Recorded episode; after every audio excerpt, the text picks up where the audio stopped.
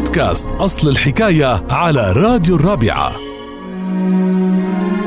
أصل الحكاية لمثل بينقال غلط المثل حاليا منعرفه بتعمل السبعة وزمتها. وهل الرقم سبعة علاقة بهالمثل أو بالمساوئ المرتبطة بجملة السبعة وزمتها؟ للحقيقة لا لأنه حكاية هالمثل عن شي مختلف تماما.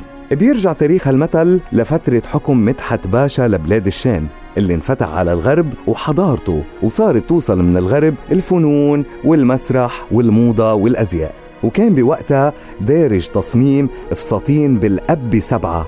وصارت تنتشر صورة الموضة والفساتين الجديدة خاصة اللي جاية من فرنسا. وكان بهيدا الوقت بسوريا وتحديدا بحي القنوات خياطة شاطرة كتير اسمها ميرفت.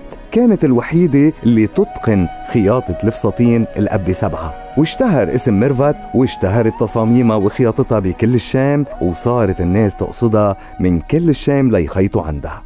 وبعد فترة وبسبب الطلب الكبير على هالفساتين ظهرت خياطات كتار بيعرفوا يعملوا الأب سبعة وخف شغل ميرفت وبطلت أشهر وحدة بالشام لحد ما درجت موضة جديدة هي فساتين الأب سبعة المزمومة وكانت خياطتها كتير صعبة. ميرفت كانت الوحيدة اللي بتعرف تعملها بإتقان. ورجع اسم ميرفت يلمع من جديد ورجعت الناس تجي لعندها لتلبس على الموضة.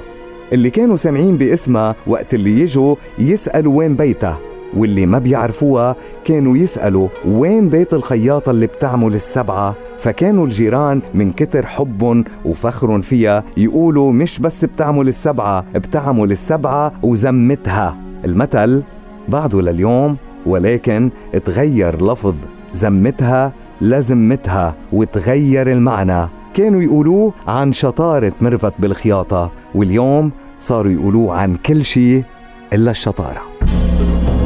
لتتعرفوا على مزيد من أصل حكايات الأمثال تابعونا على بودكاست الرابعة أصل الحكاية.